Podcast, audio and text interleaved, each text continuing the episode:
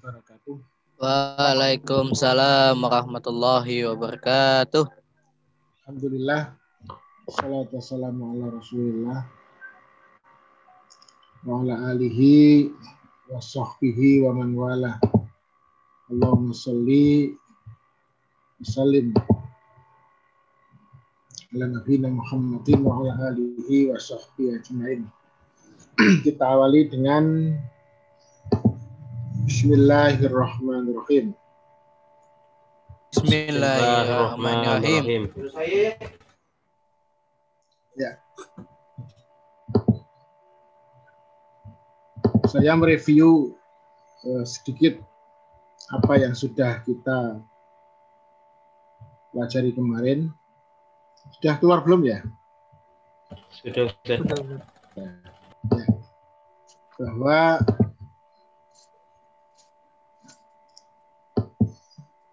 belum saya kirimkan ya ini ya materinya. Belum Ustaz. Belum Ustaz. Berarti lupa saya.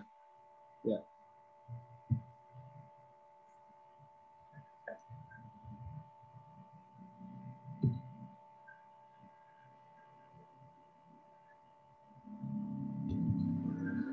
bahwa manhaj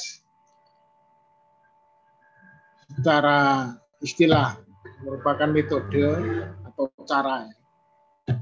Jadi manhaj itu adalah cara atau metode secara bahasa memang jalan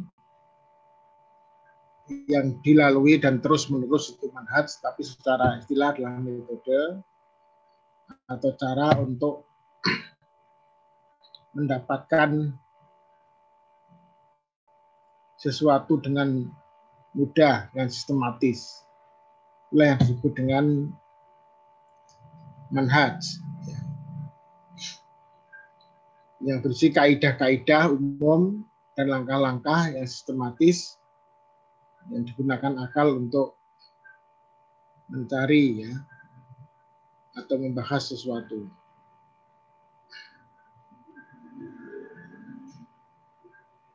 Sementara tarjih secara bahasa memilih, tetapi yang dimaksud di sini kita bukan dalam arti memilih yang lebih kuat atau menguatkan atau condong kepada sesuatu, tetapi yang dimaksud di sini adalah ijtihad oleh Majelis Tarjih Muhammadiyah.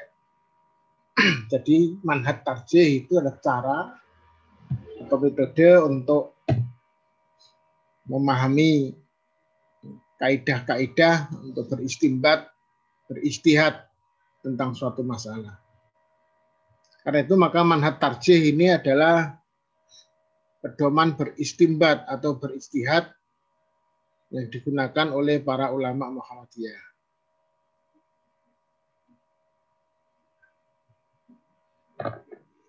Karena dia adalah sebuah metode dalam beristihad. Dan metode itu ada perkembangan perubahan sesuai dengan perkembangan ilmu. Maka manhat tarjih ini juga penuh dengan dinamika. Nanti akan kita jelaskan eh, perubahan-perubahan atau dinamika dalam majelis tarjih. Dan itu tidak dipahami oleh orang lain. Dianggap Muhammadiyah berubah-ubah. Maka ketika manhaj itu ada perubahan, tentu hasilnya juga berubah. Fatwanya bisa berubah. Ya.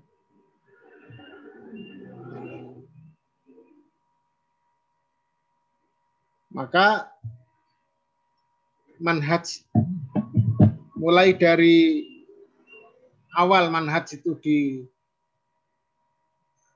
buat di Solo ya, disusun di Solo. Yang sebelumnya pada masa awal berdirinya Majelis belum ada manhaj. Setelah itu maka terus mengalami perubahan setiap munas ada penambahan manhaj. Dan manhaj ini bukan semata-mata dibuat oleh ulama Muhammadiyah, tapi dikembangkan berdasarkan pengalaman dan praktek para ulama-ulama sebelumnya di dalam penemuan hukum Islam. Jadi di sini Muhammadiyah bukan penemu, tapi memilih mentarjih juga manhaj-manhaj yang sesuai.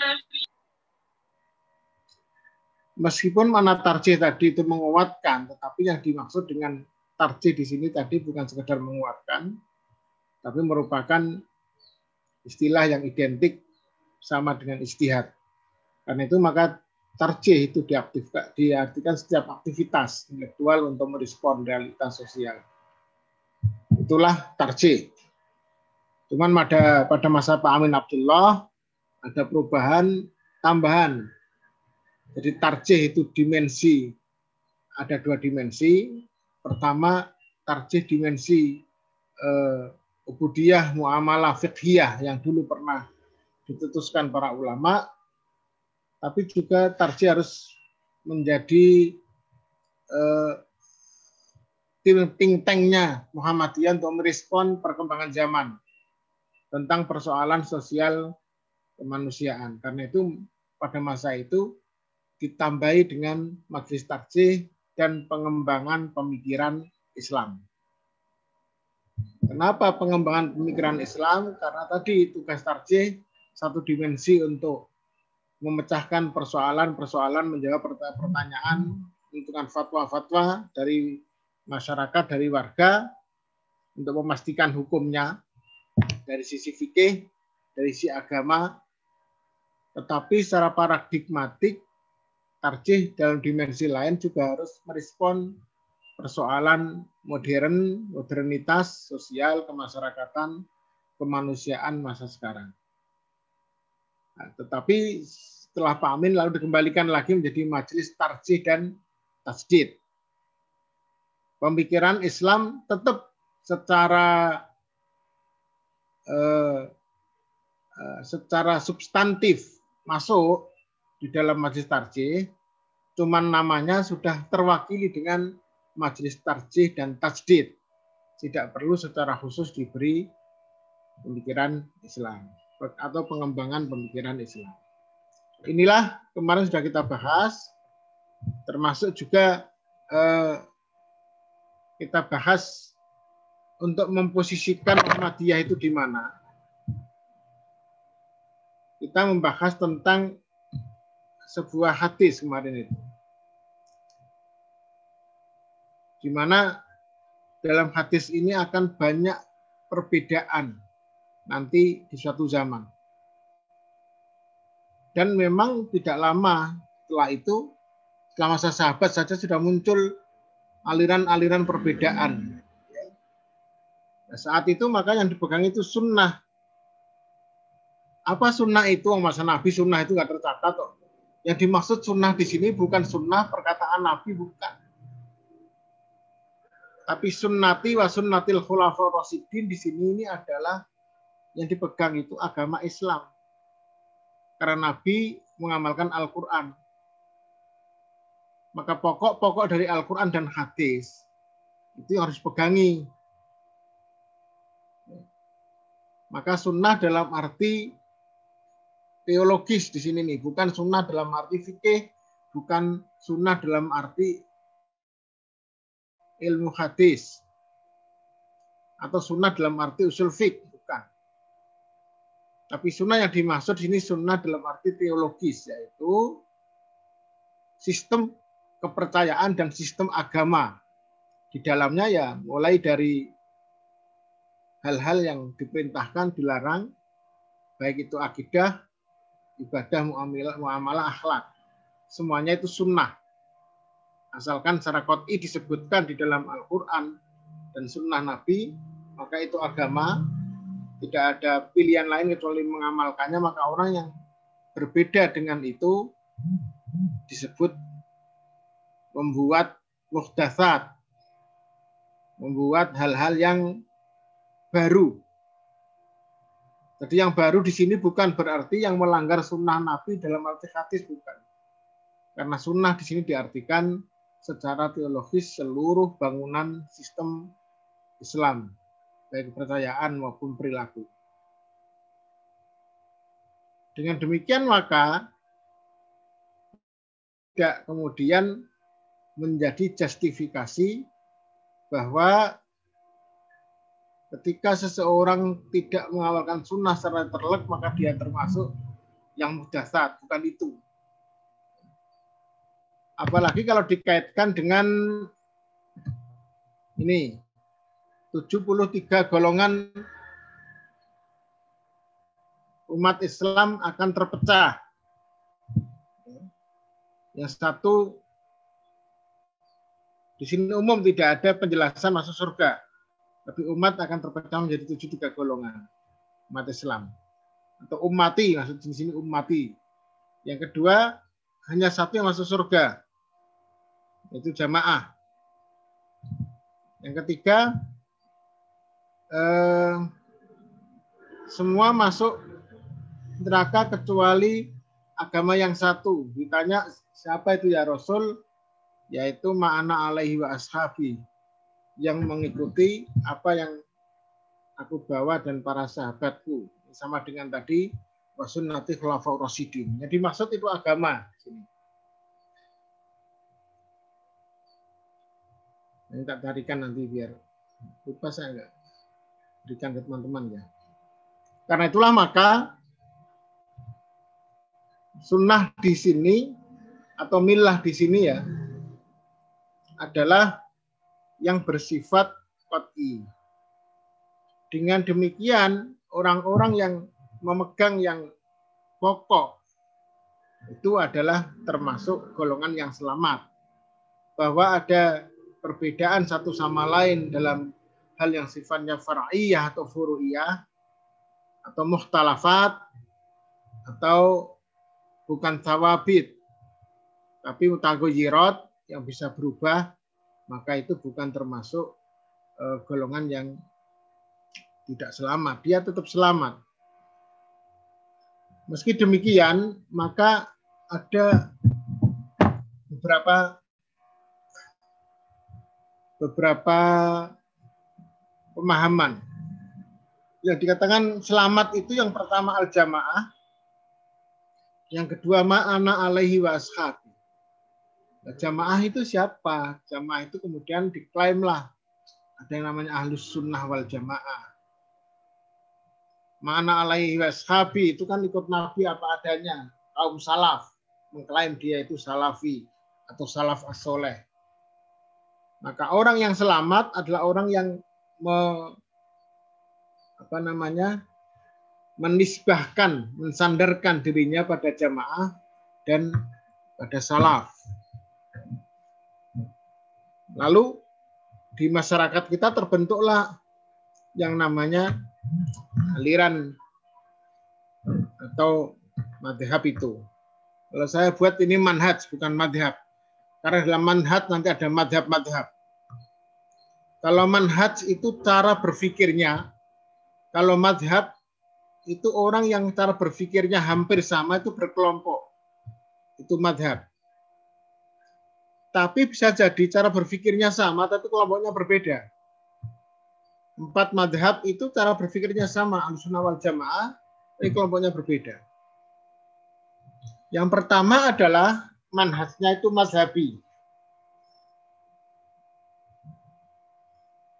Maka biar Anda bisa metakan di mana manhaj tarjih itu berada. Yang pertama adalah madhabi, yang kedua salafi, yang ketiga itu tajdidi. Apa yang disebut dengan madhabi? Madhabi itu adalah sebuah corak yang berisi manhaj atau cara berpikir bahwa di dalam berislam itu harus melalui sumber sanat yang muktabar yang bisa dipertanggungjawabkan. Nah, sanat yang bisa dipertanggungjawabkan itu adalah madhab. Dalam berakidah, di dalam fikih, di dalam akhlak, di dalam kiroah, ya, di dalam hadis, semuanya itu harus mengikuti sanat dan sanat yang muktabar itu ada madhab-madhabnya, maka harus ikut madhab yang muktabar. Maka cara berpikir atau corak manhaj yang pertama itu bahwa keislaman seseorang saat ini karena begitu jauhnya dengan Nabi, tidak mungkin kita bisa langsung kepada Nabi karena sudah melalui sebuah masa yang panjang. Dan syariat Islam sudah banyak ditafsirkan dari seluruh sisinya oleh madhab-madhab. Karena itu maka seseorang kalau ingin selamat tidak apa namanya tidak membuat-buat dalam agama, ya sudah ikut saja madhab yang ada. Ini cara corak berpikir madhabi. Dan jenis ini banyak, baik dari jenis eh, model aliran di dalam akidah, aliran di dalam eh, fikih, maupun akhlak tasawuf. Misalnya NU Nahdlatul Ulama. Salah satunya, tapi masih banyak ya. Nahdlatul Ulama itu termasuk corak manhajnya itu madhabi. Karena dia harus bermadhab. Bisa dibaca di dalam kitab miliknya Syekh Hasim Ash'ari.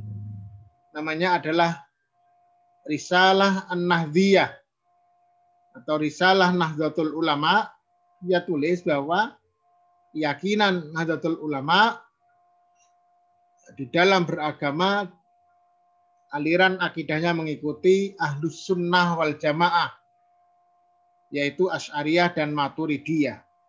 Tegas itu dikatakan. Jadi di dalam berkeyakinan akidah NU itu mengikuti Ahlus Sunnah wal Jamaah Asy'ariyah Maturidiyah di dalam fikih NO itu mengikuti empat madhab dengan uh, memfokuskan lebih mengkhususkan kepada Syafi'iyah. Di dalam tasawuf NO mengambil tasawuf dari Qadiriyah yang diriwayatkan dari Junaid dari Abdul Qadir Jailani dan Junaidi. Itu tasawufnya, itu akhlaknya. Kalau ilmu kalamnya tadi As'ariyah dan Maturidiyah.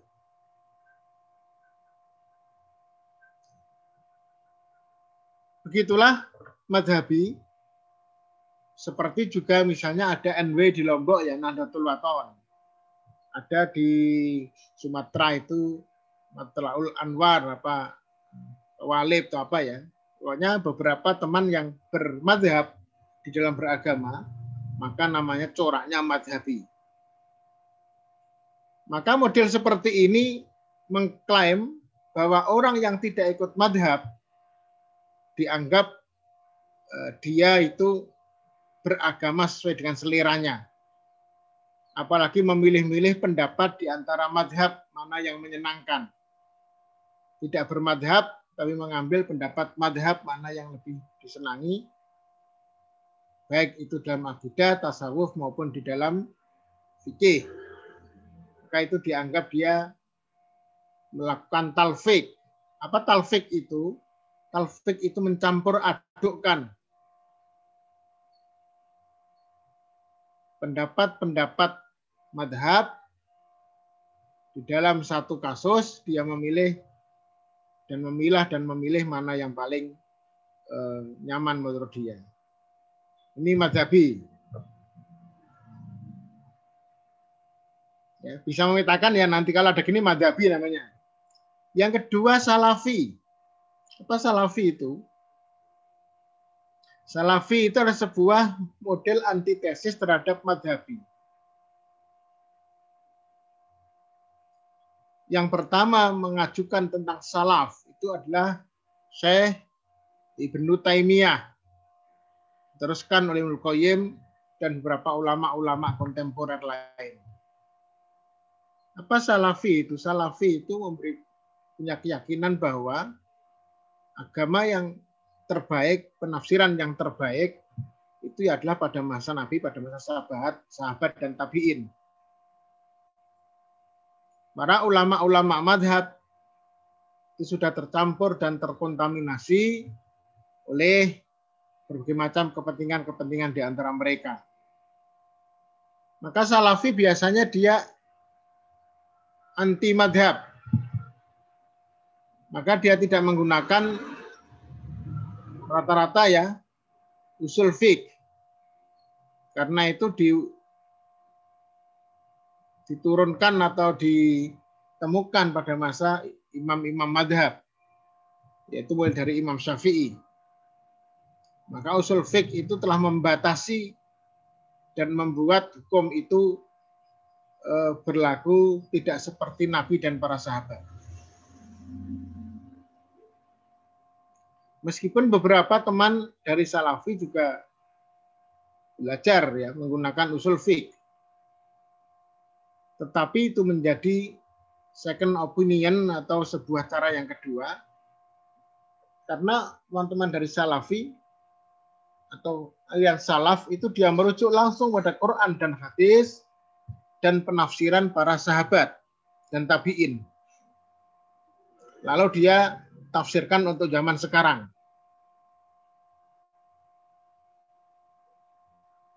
Bahkan Salafi itu anti madhab. Pertentangan antara Ibnu Taimiyah dengan kaum madhab waktu itu cukup keras. Yang satu adalah anti madhab, yang satu ingin bermadhab. Sehingga keras di antara mereka.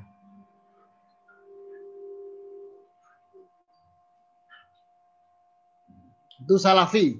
Ya kita lihat sekarang model-model makanya cara berpendapat, cara beristihad mereka itu kan seperti halnya. Eh, syekh-syekh mereka. Dan langsung pada Quran dan Sunnah kemudian ditafsirkan tanpa menggunakan pendekatan eh, pendekatan ilmiah apa adanya seperti masa Nabi, maka terkesan sangat tekstual. Ya ikut apa zaman Nabi. Itu yang salafi. Kemudian sekarang antitesis itu tasdidi. Lah ini kita. Muhammadiyah itu dia tidak mengatakan madhabi, tidak bermadhab, nanti akan dilihat. Memang mengatakan Muhammadiyah itu kaum salaf. Tetapi cara berpikirnya bukan salafiyah, bukan tapi tajdidiyah. Apa tajdidiyah itu? Dia tetap menggunakan usul fikih. Penemuan para ulama-ulama di dalam melihat hukum, bahkan di dalam melihat teks Muhammadiyah itu sangat syatibiyah. Karena menggunakan istiqro al-maknawi atau menggunakan eh, telaah induktif ya secara komprehensif. Telah teks. Atau atun nusus ya istiqroian membaca secara induktif. Jadi dalam satu kasus tidak bisa kita memutuskan sesuatu kalau belum membuka semua teks atau pendapat yang terkait lalu juga menggunakan pendekatan modern. Maka ada yang namanya Burhani dan Irfani. Itu nggak diterima oleh Salafi, nggak ada Burhani dan Irfani. Karena Salafi semuanya itu bayani. Yang Muhammadiyah pendekatannya itu ada bayani, ada Burhani, ada Irfani. Itulah tasdidnya. Mengapa? Karena Muhammadiyah melihat yang dihadapi kita ini bukan hanya persoalan persoalan ubudiyah ibadah dan itu sudah selesai sebenarnya kecuali hanya pemahaman baru eh, berkaitan dengan tingkat kesohihan suatu dalil amalah dan masalah eh, peradaban kontemporer itu nggak bisa didekati dengan bayani. Karena itu Muhammadiyah itu selangkah lebih maju karena dia menggunakan burhani dan irfani pendekatannya yang bedakan di sini maka kalau Anda di masyarakat nanti bisa melihat corak. Oh ini madhabi. Oh ini salafi. Oh ini tasdidi. Contoh ini. Tapi ingat, eh, tiga-tiganya ini bukan berarti tanpa ini ya. Tiga-tiganya ini bukan berarti tanpa pernah bertemu. Ada irisannya. Itu irisannya ada. Ada sisi-sisi irisan antara madhabi, salafi, dan tasdidi itu ada irisannya, tetapi ada sisi perbedaannya.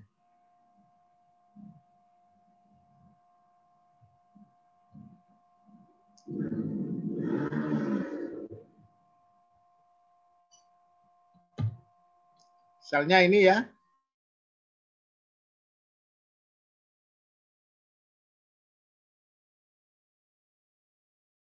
kita Syariah, Maturidiyah, Lusna wal Jamaah, fikihnya Syafiyah, Malikiyah, Hanafiyah, Hambaliyah, akhlak tasawufnya Junaidi dan Al-Ghazali.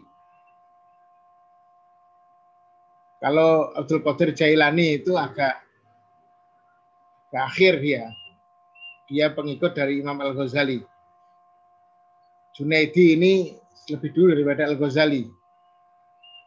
Tasawufnya diambil itu Ikhya, Ulumuddin Al-Ghazali, lalu Imam Al-Junaidi, dan kemudian di murid-muridnya dari Al-Ghazali termasuk Abdul Qadir Jailani. Karena itu maka tasawuf yang masyur di antara mereka ada beberapa, tapi yang paling masyur itu Qadiriyah.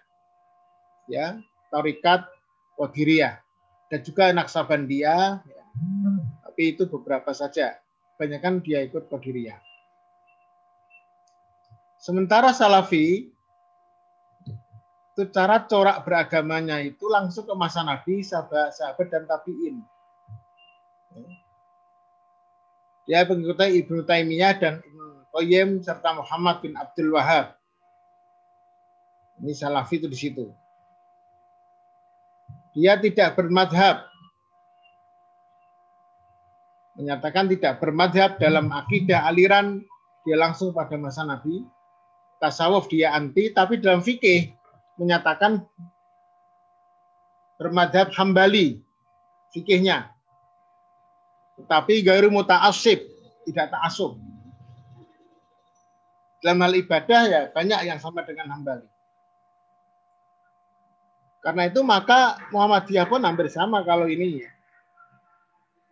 Karena prakteknya kita memang mengambil Quran dan Sunnah langsung tanpa fikih ya dengan salafi hampir sama. Hanya sisi perbedaan sedikit aja.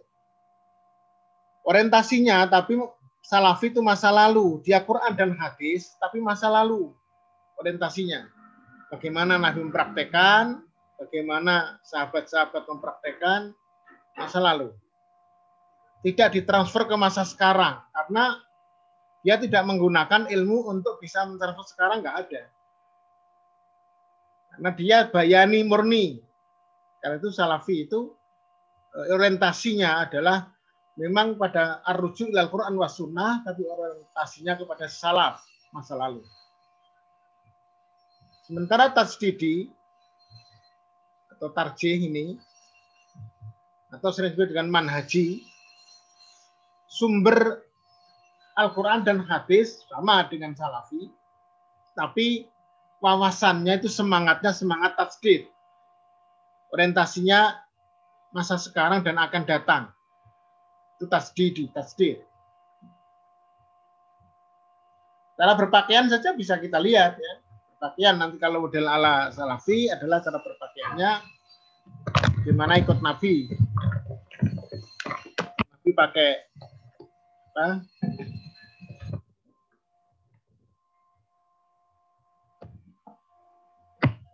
Ini hasilnya mati kok ya?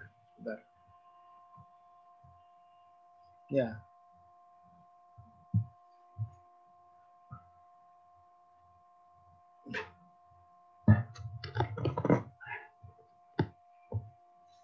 Kita lihatnya dulu listrik mati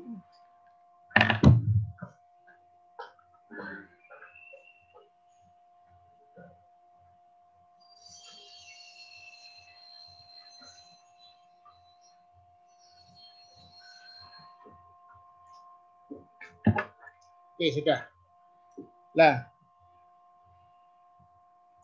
karena itulah maka di dalam hal ini ada tarjih di sini ya.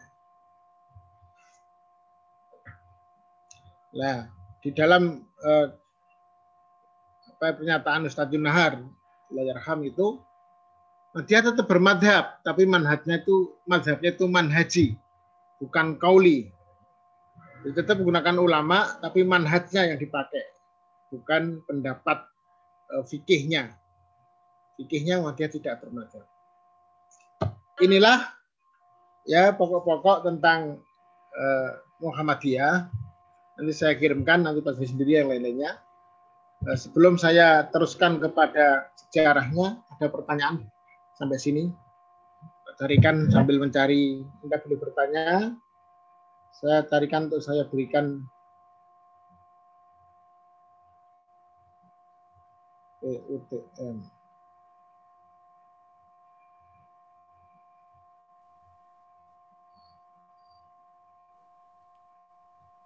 Mohon, mohon maaf, Ustaz, izin bertanya. Ya, silakan. Uh, sebelum adanya majelis tarjih atau manhaj tarjih, Muhammadiyah itu bermadhab tidak Ustaz?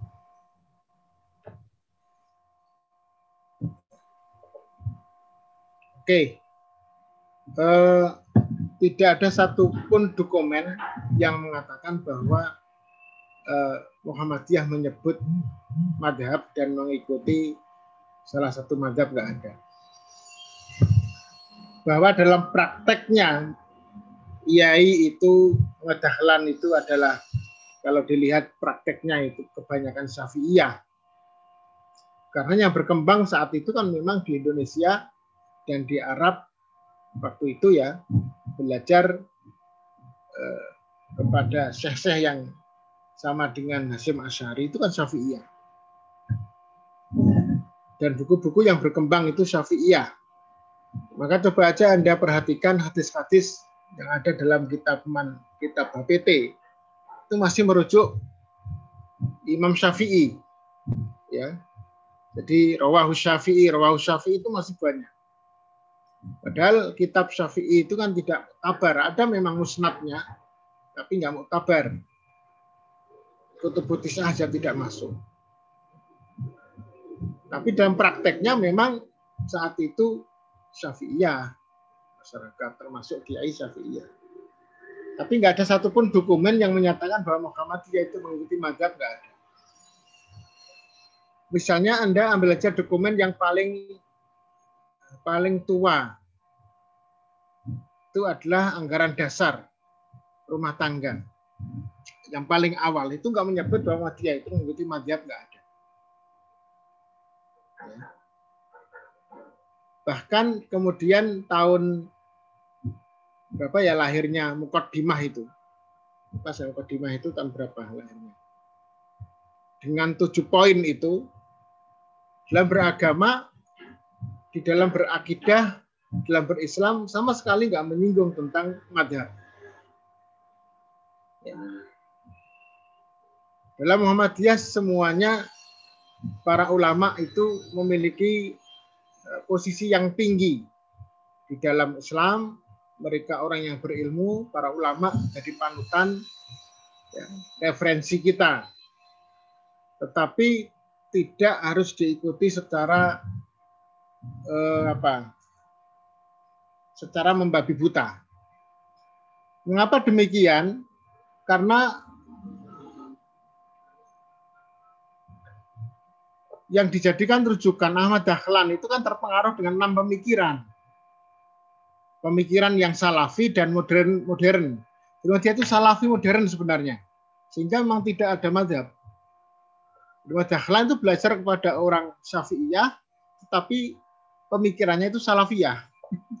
Nah, ini perlu menarik ini. Ditulis ini. Betul nggak itu? Belajar dan hidup di Syafi'iyah, tapi pemikirannya salafiyah di dalam Muhammadiyah misalnya kita e, membaca bahwa yang mempengaruhi pikiran Ahmad Dahlan dengan Muhammadiyah itu enam tokoh, yang tiga salafi, ya salaf orang yang salafi keras, yang tiga itu modern. Bahkan e, sangat liberal. Satunya salaf ke kanan, satu liberal, yang tiga liberal. Yaitu Ibnul Qayyim, Ibnu Taimiyah, Ibnul Qayyim, dan Muhammad bin Abdul Wahab itu kan sangat kanan ini, keras dia. Tapi juga terpengaruh oleh Jamaluddin Al-Afghani, ya, seorang eh, lob, apa lobbying yang ulung. Dia hidup di di barat, pernah di Inggris, Prancis, dia di India. Lalu muridnya yang sangat liberal yaitu Muhammad Abduh. Abduh bahkan dikatakan lebih liberal daripada Mu'tazilah itu. Itu mempengaruhi pikiran Madahlan. Lalu Muhammad Rashid Ridho itu yang banyak mengaruhi tentang pendidikan modern sehingga mendirikan Muhammadiyah dengan jalur pada pendidikan. Al-Manar itu memberikan corak pemikiran Ahmad Dahlan. Maka sejak awal kalau dikatakan bahwa Muhammadiyah itu Syafi'iyah atau dari sisi pemikiran itu Madhabiyah sama sekali enggak. Lihat dari situ enggak. Kayaknya ini perlu itu diteliti ini. Justru malah eh, beliau konsen untuk untuk keluar dari madhab meskipun di dalam fikih karena waktu itu di masyarakat masih ya kunut ya masih dua apa adzan jumatan ya kemudian sholat dua tiga ya dia ikut yang ada di situ fikihnya. Seperti itu ya. Silakan yang lain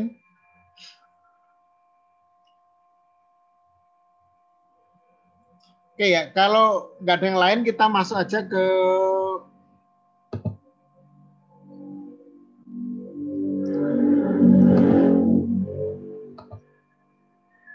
saya ambil di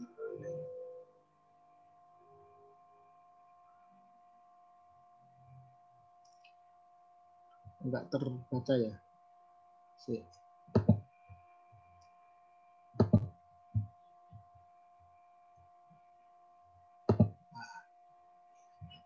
Nah, ini. Saya ambil di sini. Ini sedikit eh, perlu diverifikasi memang. Tapi saya lihat cukup bagus ini. Nanti teman-teman dibaca dan bisa di saya ingin karena saya belum menyiapkan materi secara komprehensif ini saya kira cukup bagus. Ditulis oleh Ahmad Zain Najah Majelis Tarjih Muhammadiyah pengenalan penyempurnaan dan pengembangannya pokok-pokok nanti ingin saya sampaikan terlalu jelas ya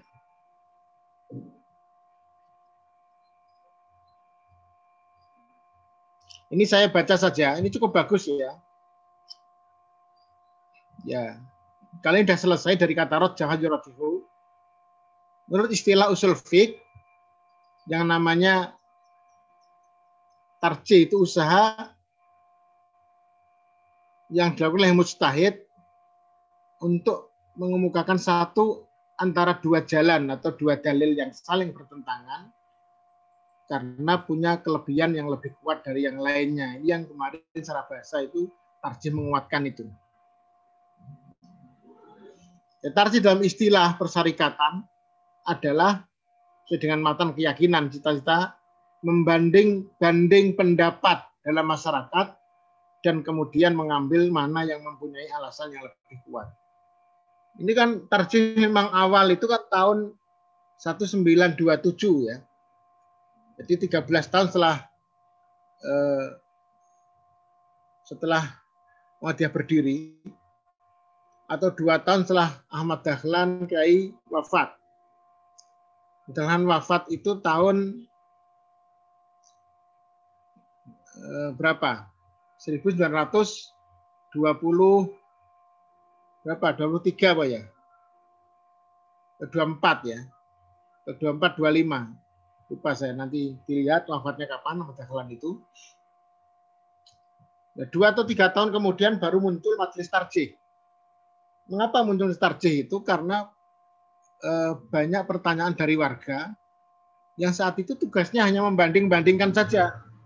Karena itu namanya memang tarjih karena memang tugasnya memang membanding-bandingkan pendapat mana yang lebih kuat daripada yang ada. Jadi sejak awal berarti Muhammadiyah tidak terikat oleh madhab. Ya dari sini ya. Karena jelas membanding-bandingkan dalil yang ada.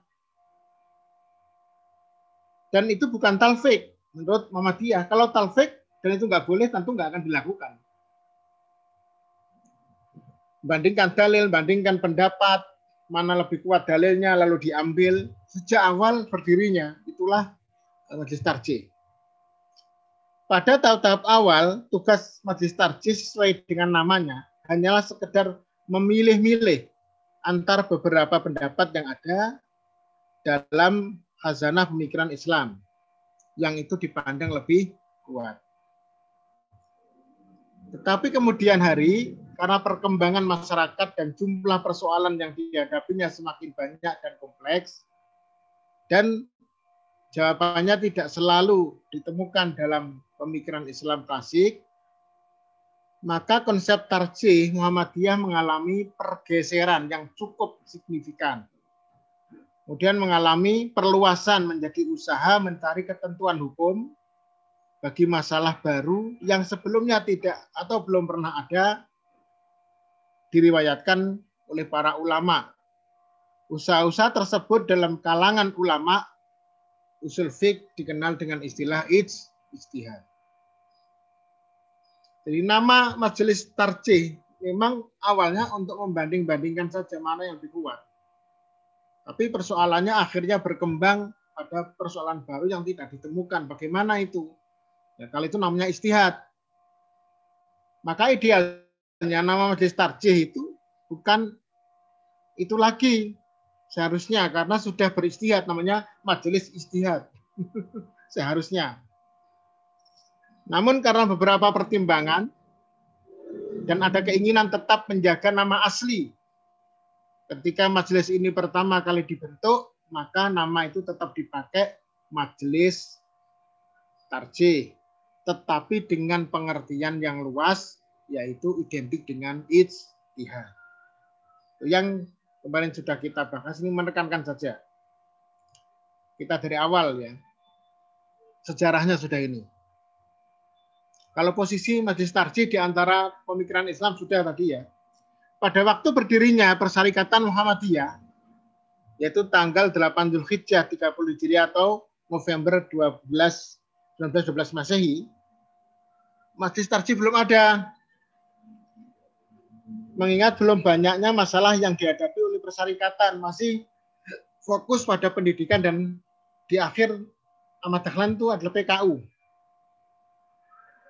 fokus pendidikan PKU namun lambat laun seiring dengan berkembangnya persyarikatan maka kebutuhan internal persyarikatan ikut berkembang juga selain semakin banyak jumlah anggotanya dan kadang memicu timbulnya perselisihan paham mengenai masalah-masalah keagamaan terutama yang berhubungan dengan fikih maka untuk mengantisipasi selisihan tersebut dan menghindari adanya perpecahan antar warga Muhammadiyah maka para pengurus kemudian membuat lembaga yang punya otoritas otoritatif tentang hukum itu.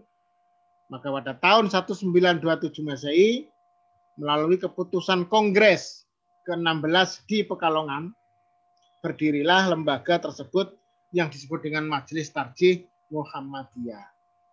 Yaitu melalui kongres, dulu kongres, kalau sekarang muktamar. Ya. Muktamar, kongres ke-16 di Pekalongan.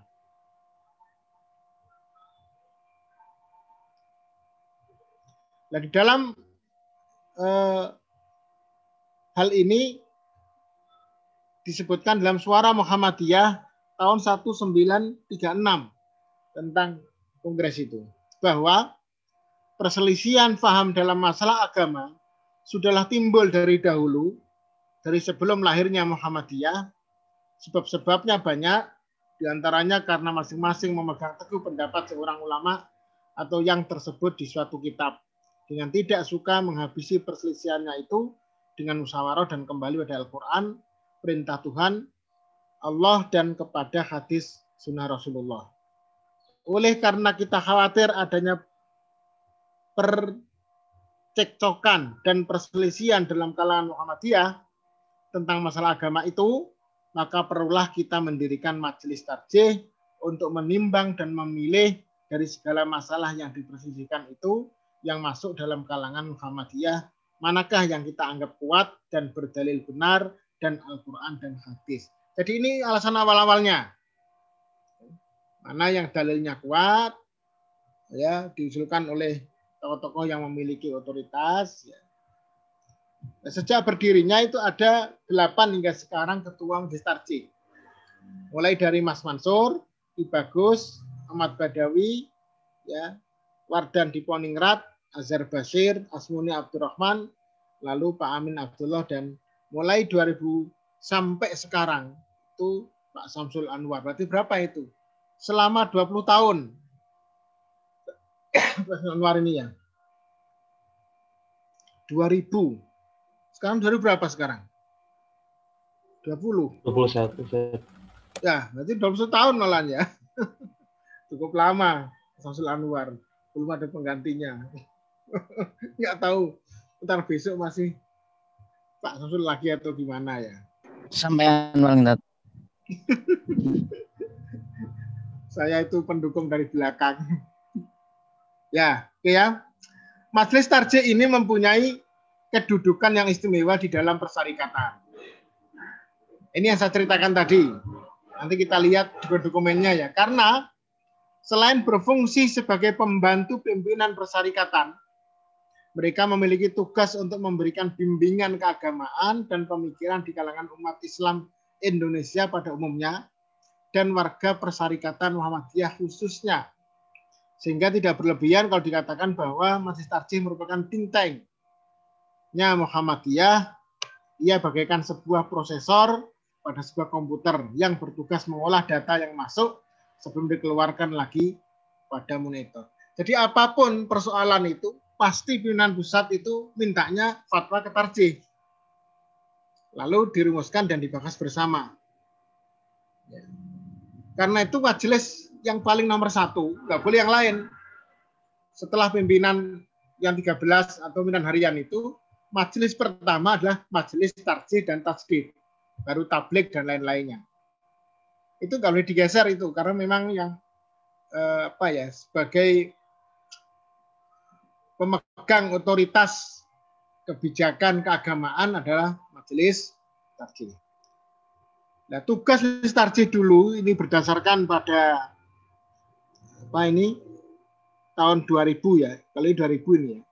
Katakan adalah mempergiat pengkajian penelitian ajaran Islam, menyampaikan fatwa, mendampingi dan membantu pimpinan dalam tugas ajaran Islam, membantu pimpinan pesarikatan untuk meningkatkan kualitas ulama, ya mengarahkan perbedaan pendapat, paham agar ke arah yang lebih maslahat. Sejak awal Muhammadiyah itu tidak mau kontraproduktif di dalam perdebatan. Makanya di Muhammadiyah itu jarang kita temukan perdebatan hingga berlarut-larut sehingga eh, apa ya justru malah menghilangkan kemaslahatan dan penuh dengan mudarat. Enggak ada Muhammadiyah itu. Sejak awal memang didesain bahwa eh, perdebatan itu alat. Kita berislam itu tujuannya bukan berdebat, ya. Berislam itu mencari kemaslahatan dari kebaikan.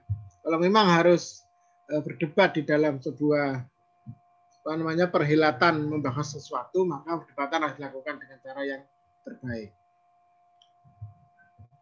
Misalnya kata Ambe Amin Abdullah ini ya, salah satu tokoh media yang waktu itu nomor berapa itu ya? Nomor 7, nomor 6. Nomor 7 menjadi ketua tarjih. Dia mengatakan bahwa Majelis Tarjih sebenarnya memiliki dua dimensi yang saya katakan tadi ya. Dimensi pertama adalah ibadah praktis, ubudiyah, dan dimensi kedua itu sosial masyarakat. Maka masa beliau itu ditambahi dengan Majelis Tarjih dan perkembangan pemikiran, pengembangan pemikiran Islam. Jadi ada pengembangan pemikiran Islam. Tapi eh, ternyata setelah Pak Amin Abdullah itu banyak keinginan agar ada perubahan. Karena apa? inti dari pengembangan pemikiran Islam itu ada masuk di tarjih juga. Nggak usah kita tambahkan. Maka ditambah tarjih dan tasdid. Karena inti dari tarjih adalah tasdid itu.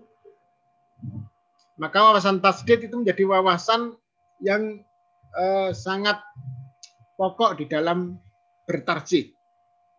Kalau tarjih tanpa tasdid bukan tarjih namanya. Dengan bentuk tas, tasdid ada dua macam tasdid itu. Nanti akan dijelaskan oleh teman kita di orientasi ya. Sekarang manhajnya. Sejak tahun 1935, jadi mulai tahun 27 sampai 35, itu hanya membahas, pokoknya ada persoalan dibahas bersama, lalu diberikan bagaimana menurut manhaj, eh, menurut majlis tarjih. Belum ada manhajnya waktu itu. Jadi antara 27 sampai 35, berapa tahun itu? 27, 35 itu berarti 8 tahun ya. 8 tahun itu pokoknya ada pendapat, oh ini pendapat ini, ini begini, dalilnya ini. Ya sudahlah, ini lebih kuat, hadisnya lebih sahih, macam-macam itu. Belum ada manhaj. Ya. Baru tahun 35 itu upaya perumusan manhaj tarjih Muhammadiyah dimulai dengan surat edaran yang dikeluarkan oleh Abistur pimpinan pusat Muhammadiyah. Langkah pertama kali yang ditempuh adalah dengan menjadi mabadi ya mengkaji mabadi khomsah dasar-dasar yang lima atau masalah lima yang merupakan sikap dasar Muhammadiyah dalam persoalan agama secara umum. Jadi tahun 35 inilah dasar beragama Muhammadiyah ada mabadi khomsah ini.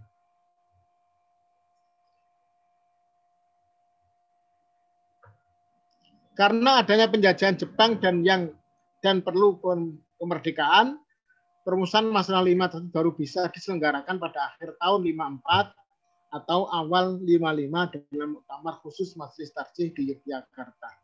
Jadi 35 itu sudah disusun dan secara praktek sudah digunakan.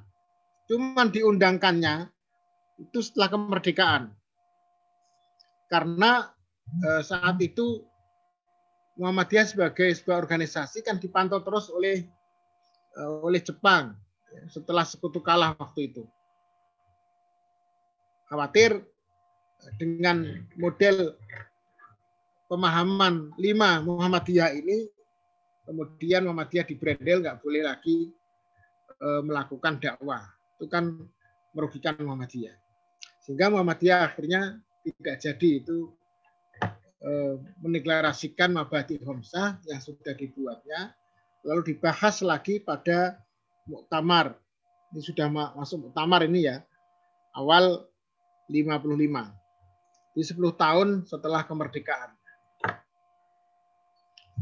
Apa setelah lima itu? Nanti ketika bicara tentang din, ini dijelaskan ya. Ketika Anda membahas tentang apa itu uh, wawasan paham agama. Ini adalah lima ini asma agama. Yang pertama adalah agama Islam itu apa yang dimaksud adin itu apa. Yang kedua dunia itu apa. Yang ketiga ibadah itu apa. Ya. Yang keempat sabilillah itu apa. Yang kelima kias itu apa. Lima ini dibahas menjadi pokok karena apa? Karena memang eh, yang muncul di dalam eh, bertarje itu kan ada persoalan ada persoalan dunia. Oh ini persoalan ibadah, ya. Oh ini adalah persoalan apa namanya agama adin. Ada adin, ada ibadah, ada dunia. Terus ada visabilillah. Terus ternyata kias itu kan disepakati para ulama. Terus kias yang mau kita gunakan kias yang seperti apa Muhammadiyah ini. Apa yang dimaksud dengan kias. Ini pelajari. Besok kita bahas ketika bahas wawasan din. Ya. Wawasan paham agama. Karena masalah lima tersebut masih bersifat umum, maka Majelis Tarjih terus berusaha merumuskan manhaj untuk dijadikan pegangan di dalam menentukan hukum. Dan pada tahun 1985 sampai 99, 90 yaitu tepatnya pada tahun 86 setelah Muktamar Muhammadiyah di Solo. Saya jelaskan tadi. Majelis Tarjih baru berhasil merumuskan 16 poin pokok-pokok manhaj tarjih Muhammadiyah. Jadi apa yang saya tulis dalam buku ada empat bab itu, itu sebenarnya adalah yang sudah diputuskan kerangka dasarnya di Solo ini. Waktu di eh, mana Pekalongan itu kan baru membahas tentang berdirinya Majelis Tarjih. Terus kemudian tahun 35 itu menyusun lima masalah itu. Cuman baru diproklamasikan, proklamirkan pada tahun 55. Itu dilakukan terus berapa tahun itu. Baru 90 ya, atau 86 itulah menyusun Eh, pokok-pokok manhat tarjih. Ada 16 pokok manhat tarjih. Ya nanti kita bahas semua di situ. Tapi nggak apa-apa kita eh, bahas secara umum ya pokok-pokok ini. Yang pertama adalah di dalam beristidlal dasar utamanya adalah Al-Quran dan Sunnah as-Sahihah. Ini dokumen resmi mulai dari awal sampai akhir nggak pernah akan Anda temukan tentang bahwa Muhammadiyah itu ikut madhab nggak ada.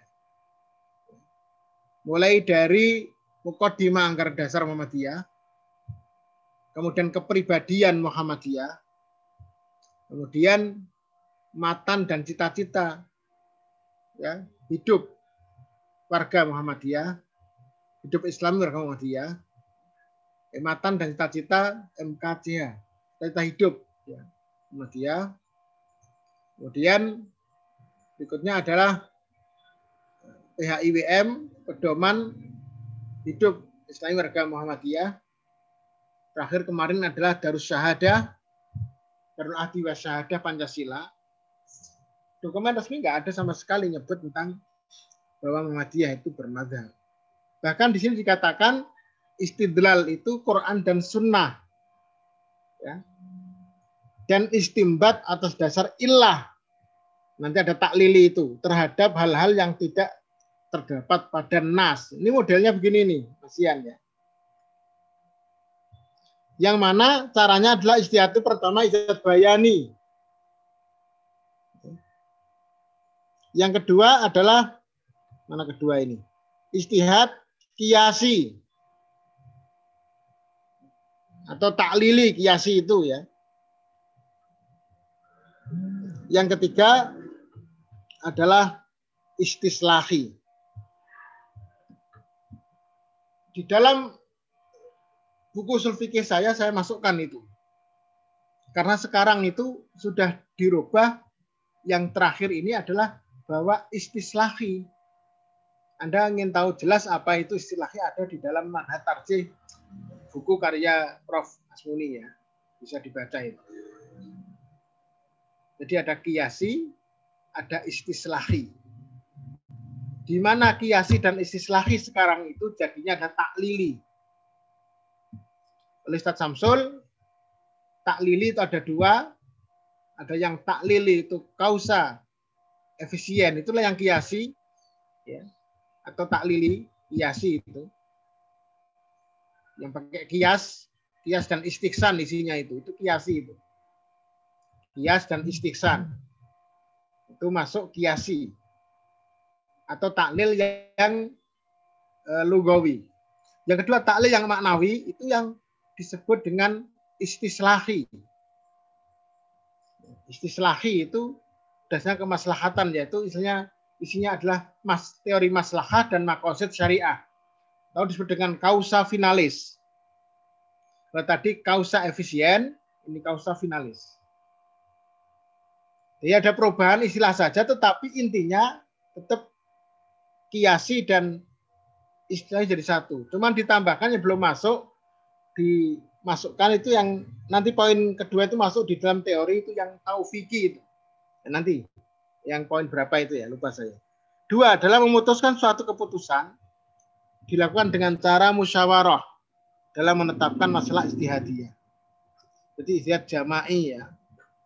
Tidak mengikatkan diri pada suatu madhab. Lah ini sudah jelas ini tahun 65 ini ya. Tidak ingat pada madhab. Cek sebentar ya. Tahu sebentar. Eh, ditunggu dulu, kau boleh diskusi.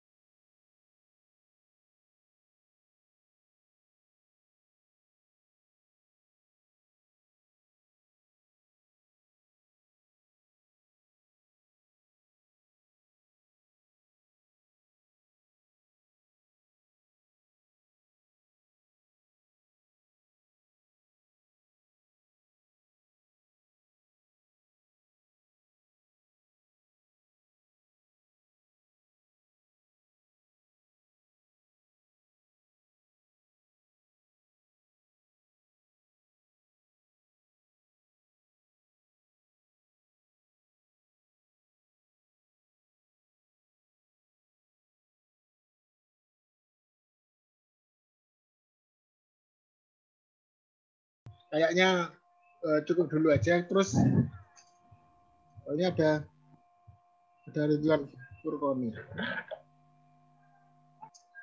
Nanti tak berikan ininya dipelajari yang tadi sendiri. Jadi besok kita diskusi tentang tema yang tadi itu ya, yang kemarin yang apa?